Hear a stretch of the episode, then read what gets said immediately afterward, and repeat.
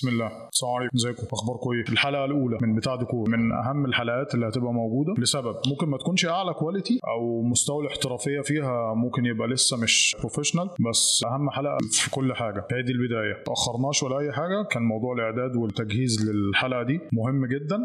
المهم اللي أهم من ده كله المحتوى. المحتوى اللي إحنا هنقدمه محتوى علمي. وفي نفس الوقت بنحاول إزاي نوصله لكم ببساطة. مش المهندس أصلا مش المهندس اللي يسمعني أنا حد عنده شقة هو أو عايز يشطبها من غير ما يروح لشركه أو مهندس. فأنا إيه همشي معاه واحدة واحدة. طيب كان في خلاف كبير جدا ما بين الحلقة الأولى دي تبقى عن الديكور ويعني إيه ديكور والكلام ده كله. بس في الآخر اخترنا إن إحنا تبقى الحلقة دي عن أصلا يعني أنت هتعمل ديكور ليه؟ ما انت ما أنت لازم يبقى عندك شقة في الأول أو فيلا أو تيفر اللي هيبقى عندك يعني. فأنا خليت الحلقة الأولى دي إزاي أروح أشتري شقة؟ وأنا رايح كده إيه خلاص قررت إن أنا أروح أشتري شقة إزاي أبص على إيه؟ إيه الحاجات الحلوة؟ إيه الحاجات الوحشة في الشقة دي؟ فبناء عليه بقى إيه الإعداد هنا عملوا لنا عملوا لنا السكريبت الجميل ده والمحتوى الرائع ده اللي هو إزاي تختار شقة professional يعني. طبعا ال- الكلام يحتمل الصواب أو الخطأ فلو إحنا غلطنا ممكن تبعتوا لنا في ال comments أو أو في الرسائل. هنعدل. ممكن يسهو عليا حاجة الإعداد يسهى عليه حاجة فنبقى مع بعض. الموضوع ده كله عاملينه خدمي وبنساعد بعض إن إحنا نوصل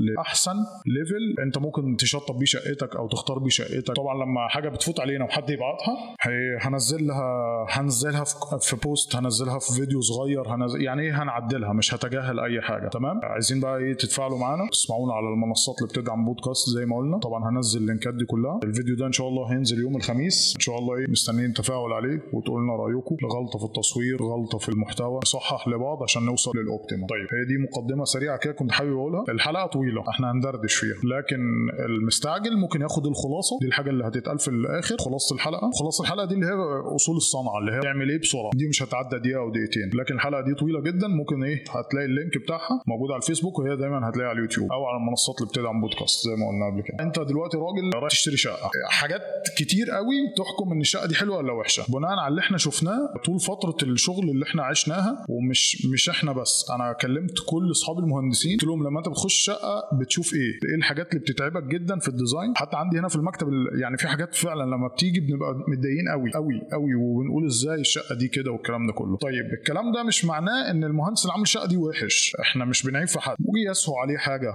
خد خد بالكم عمر الهندسة طور دايما. يعني في حاجات موجودة دلوقتي ومش موجودة قبل كده. فمهم قوي إن إحنا ناخد بالنا من الحاجات دي. فأنا إحنا هنا في المكتب لمينا كده شوية حاجات. هي دي ال- الأسس مش يعني مش هي, مش 100% ممكن تديك 80% وأنت بتشتري شقة تبقى عارف إن الشقة دي حلوة ولا وحشة. أنا مجهزهم هنا معايا. واحدة واحدة كده إيه نبدأ مع بعض. بصوا أنا إن شاء الله هعمل حاجة حلوة. ممكن أخلي حد من شركات الاستثمار العقاري يجي معانا مرة هنا. ويحكي لنا العملاء لما بيروحوا يشتروا شقة بيبصوا على إيه ممكن نعمل له حلقة مخصوص يبقى إيه ده ده الاكستنشن بتاع الحلقة دي مثلا. هيبقى في ضيف كده كده في فقرة عندنا هيبقى فيها ضيف. اللي جاي فيه لازم نجيب حد يتكلم معانا يعني ما مش هنبقى لوحدنا. دي دي مش منصة بتاعتنا لوحدنا. نفس المنصة دي تبقى تبقى لكل مهندسين الديكور في مصر وال interiors والمهندسين المعماريين. تبقى دي المنصة اللي بيطلعوا منها يقولوا لو هو عنده مشكلة عنده فكرة جديدة. خصوصا إن السوق المصري كل يوم بيتطور ففي حاجات موجودة دلوقتي هي ما كانتش موجودة قبل كده وممكن الناس ما تسمعش عنها حاجة لسبب إن الشركات بتاعتها ما بتسوق لهاش آه، مش انت العميل المحتمل اللي هو عايزينه حاجات كده يعني. فإحنا هنحاول نوصلكم بالحاجات دي كلها. طيب عشان ما نرغيش كتير نخش في موضوع الحلقة بسرعة. آه، حاجة مهمة قوي أنا مش هتلاقيني بتفاعل مع الكاميرا كتير لأن ده بودكاست. أنا هحاول على قد ما أقدر إن أنا ابقى أبقى على راحتي معاكم وأتكلم من السكريبت مكتوب حتى قدامي. يعني ما مش مش مش برنامج حفظته وطالع أقوله. لكن الخلاصة هي دي اللي هتبقى إيه؟ هتبقى حاجة perfect قوي طالعة دقيقتين خير الكلام ما قل ودل. إزاي تعرف ان الشقة دي حلوة وازاي تعرف ان الشقة دي وحشة وانت رايح تشتريها. حاجات كتير قوي منها القانوني منها حاجات قانونية. دي طبعا مش بتاعتنا ممكن تراجع مع المحامي بتاعك أو تسأل حد في الأوراق والحاجات دي كلها. فدي مش تخصصنا. ال location طبعا أنت أنت اللي تحدده مش إحنا. يعني أنا لو حد جه هو ساكن في عين شمس وبيقول لي أنا هاخد شقة في مدينتي. هو أنا أول سؤال هسأله له أنت متعود وأنت رايح وأنت جاي بتسلم على كذا وكذا عارفك وبتقعد وانت واخد على الدوشة وإنك تنزل تحت البيت تلاقي تاكس أو تلاقي هتلاقي عربيتك حاجات كتير قوي. هل أنت لما تروح مدينة من المدن الجديدة هتعرف تتعايش معاها؟ سواء مدينتي أو الرحاب؟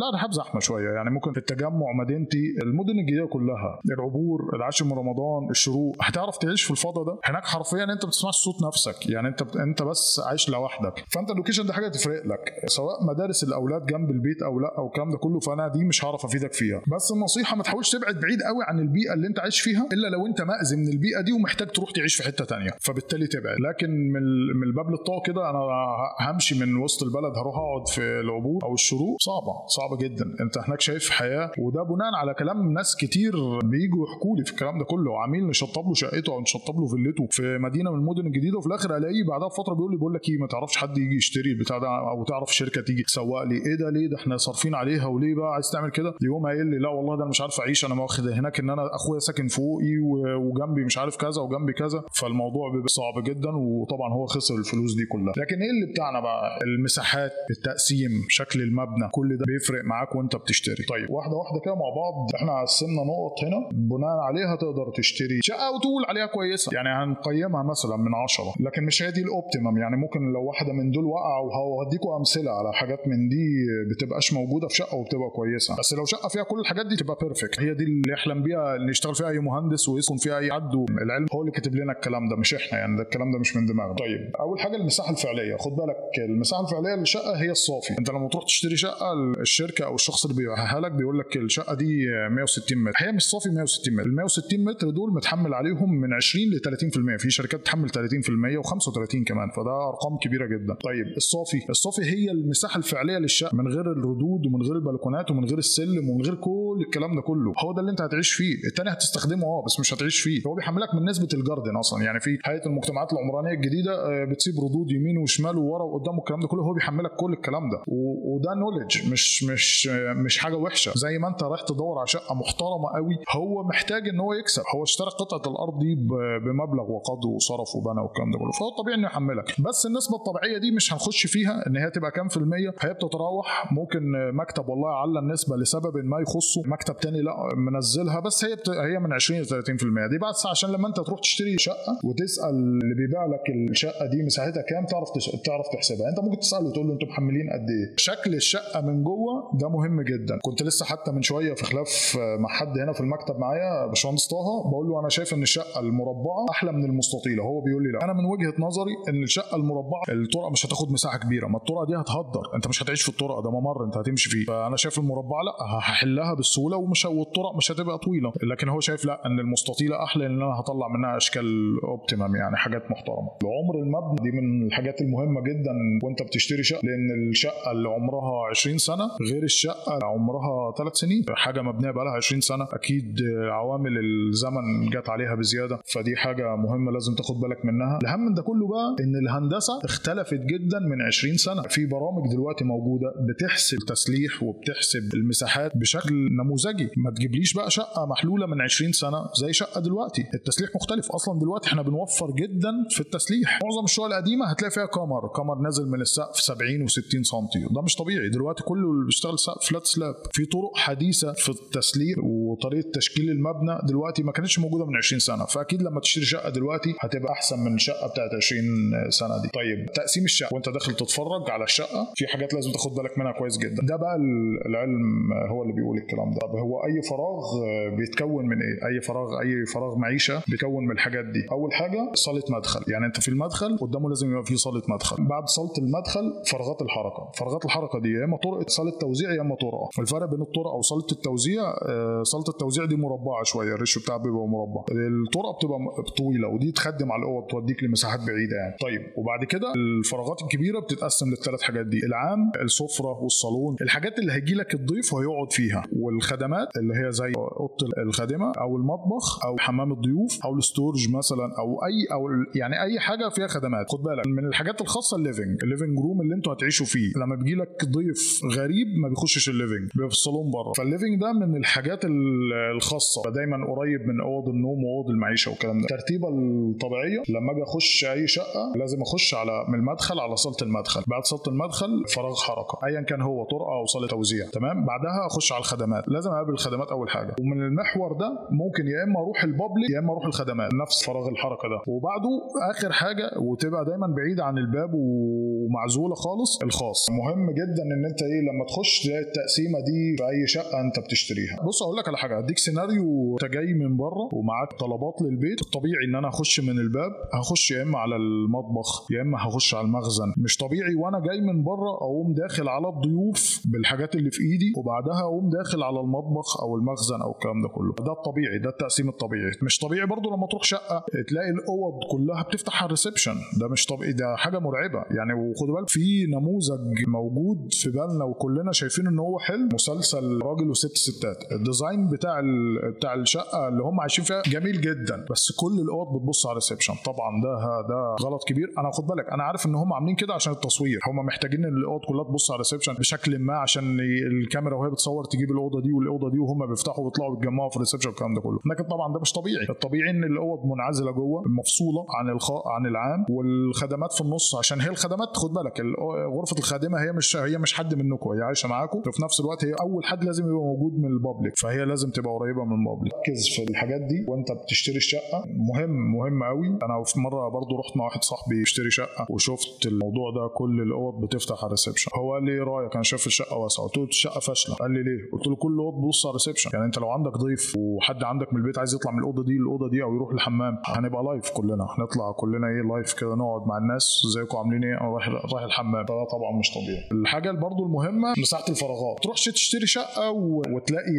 شركة الاستثمار أو الشخص اللي بيبيع لك شقة بيقول لك باشا دي شقة ثلاث أوض. 100 متر وثلاث أوض إزاي؟ هنعيش في أوض كلاب؟ مش طبيعي. أنا عارف إن الستاندرد بيقول إن الأوضة الطبيعية أقل ضلع فيها يبقى 2 من 72 ل 82 يعني ده هندسة بتقول كده بس طب وبعدين؟ 72 ل 82 دي حاجة مش طبيعية. دي أوضة صغيرة جدا. أصلا يعني هديك مقاس أوضة واقول لك الأوضة دي أصلا صغيرة نسبيا. الأوضة اللي أنا هقولها لك دي مقاسها الضلع فيها 33 وضلع تاني 63 والأوضة دي صغيرة نسبيا والأوضة دي في الغالب بتبقى أوضة أطفال يا إما living ما بتبقاش حاجة تانية. خلي بقى أنت لما تروح تشتري من من, من شركة استثمار يقول لك ال master room عندنا أربعة في ثلاثة والأوض الثانية كلها ثلاثة في ثلاثة وحاجات كده. واسمهم ثلاث أوض. إيه ده؟ طب أقول لك حاجات أنت بتحتك بيها كل يوم. زي ما أنا إيدي مش ميزان وفي حاجات مش بعرف أعملها بالعين المجردة. برضو أنا عاذر الناس كلها هو مش بيتعامل مع مقاسات كل طول عمره. يعني أنا مثلا الراجل اللي بيبيع ويشتري طول يوم وبيوزن إيده ميزان. الراجل اللي شغال في بنك هو بيحسب الأرقام لوحده. أنا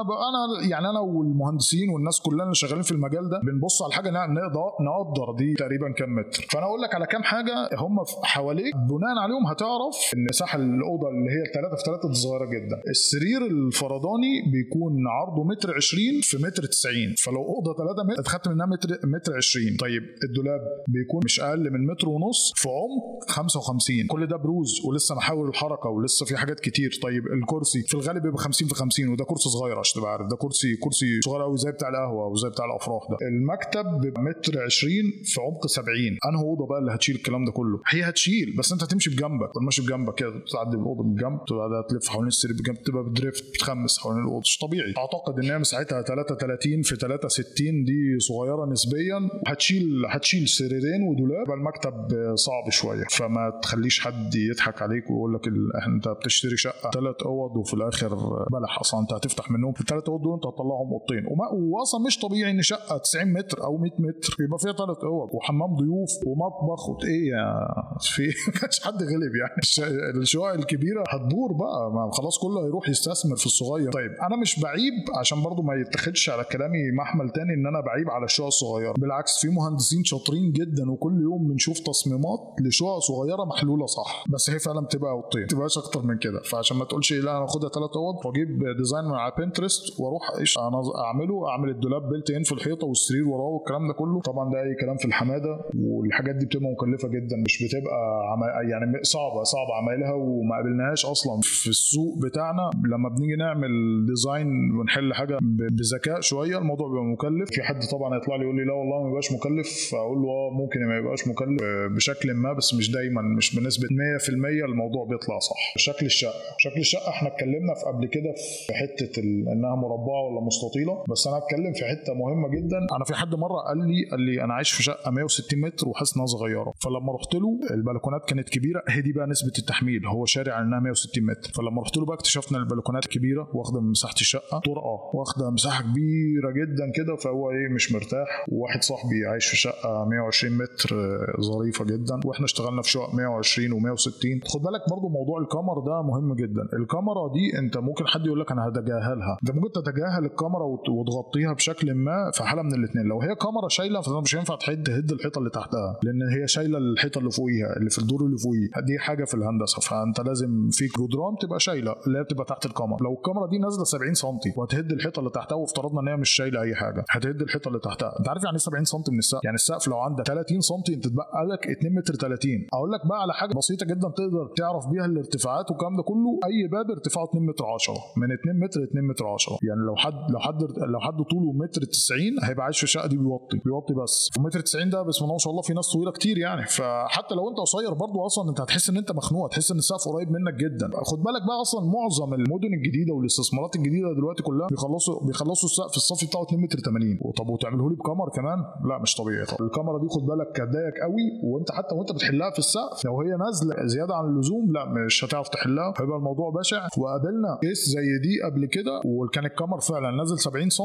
مش متخيل حجم المعاناة اللي إحنا عانيناها وإحنا بنحلها. وفي الآخر برضو باينة. يعني إحنا حاولنا ندرجها سلم كده وناخد مش عارف تحتها كورنيشه ونسرقها بكل الطرق. وفي فيها 20 سم لسه باينين. ما أنا مش هنزل بسقف البيت كله. حرام يعني مش مش هدفن الناس. فدي من ضمن الحاجات اللي لازم تركز عليها. في الكمرة خد بالك البنايه الحديثه كلها flat slab أصلا. يبقى الكمرة داير ما يدور كده من بره يعني. طيب ركز على مساحة الحمام والمطبخ. وحمام ضيوف مهم جدا. بص ال shower room ال standard بتاعه 90 في 90 وفي في أقل في أقل في لغاية 70 في 70 تمام؟ في 80 في 80 والكلام ده كله. بس 90 في 90 ده مناسب نسبيا يعني حلو نسبيا. لو الحمام صغير وهتعمل shower room 90 في 90 هتلاقي نفسك بتضيق. أنت لسه أنت خد بالك أنت لغاية دلوقتي أنت بتشتري شقة. هل هتعمل لاندري روم أو هتعمل دولاب للغسيل بره ولا هتحط الغسالة جوه الحمام؟ وفي ناس بتحط طبعا الغساله في المطبخ. طيب ما في نفس الوقت انت محتاج مساحة للكلام ده كله. ركز برضو على حمام على مساحة الحمام لازم تبقى كويسة وكبيرة ومساحة المطبخ لازم تبقى محترمة جدا. المطبخ ده يشيل أجهزة كتير. ركز على الكلام ده. وحمام الضيوف ده أهم حاجة موجودة في البيت. لو انت بتشتري شقة كبيرة حاول على قد ما تقدر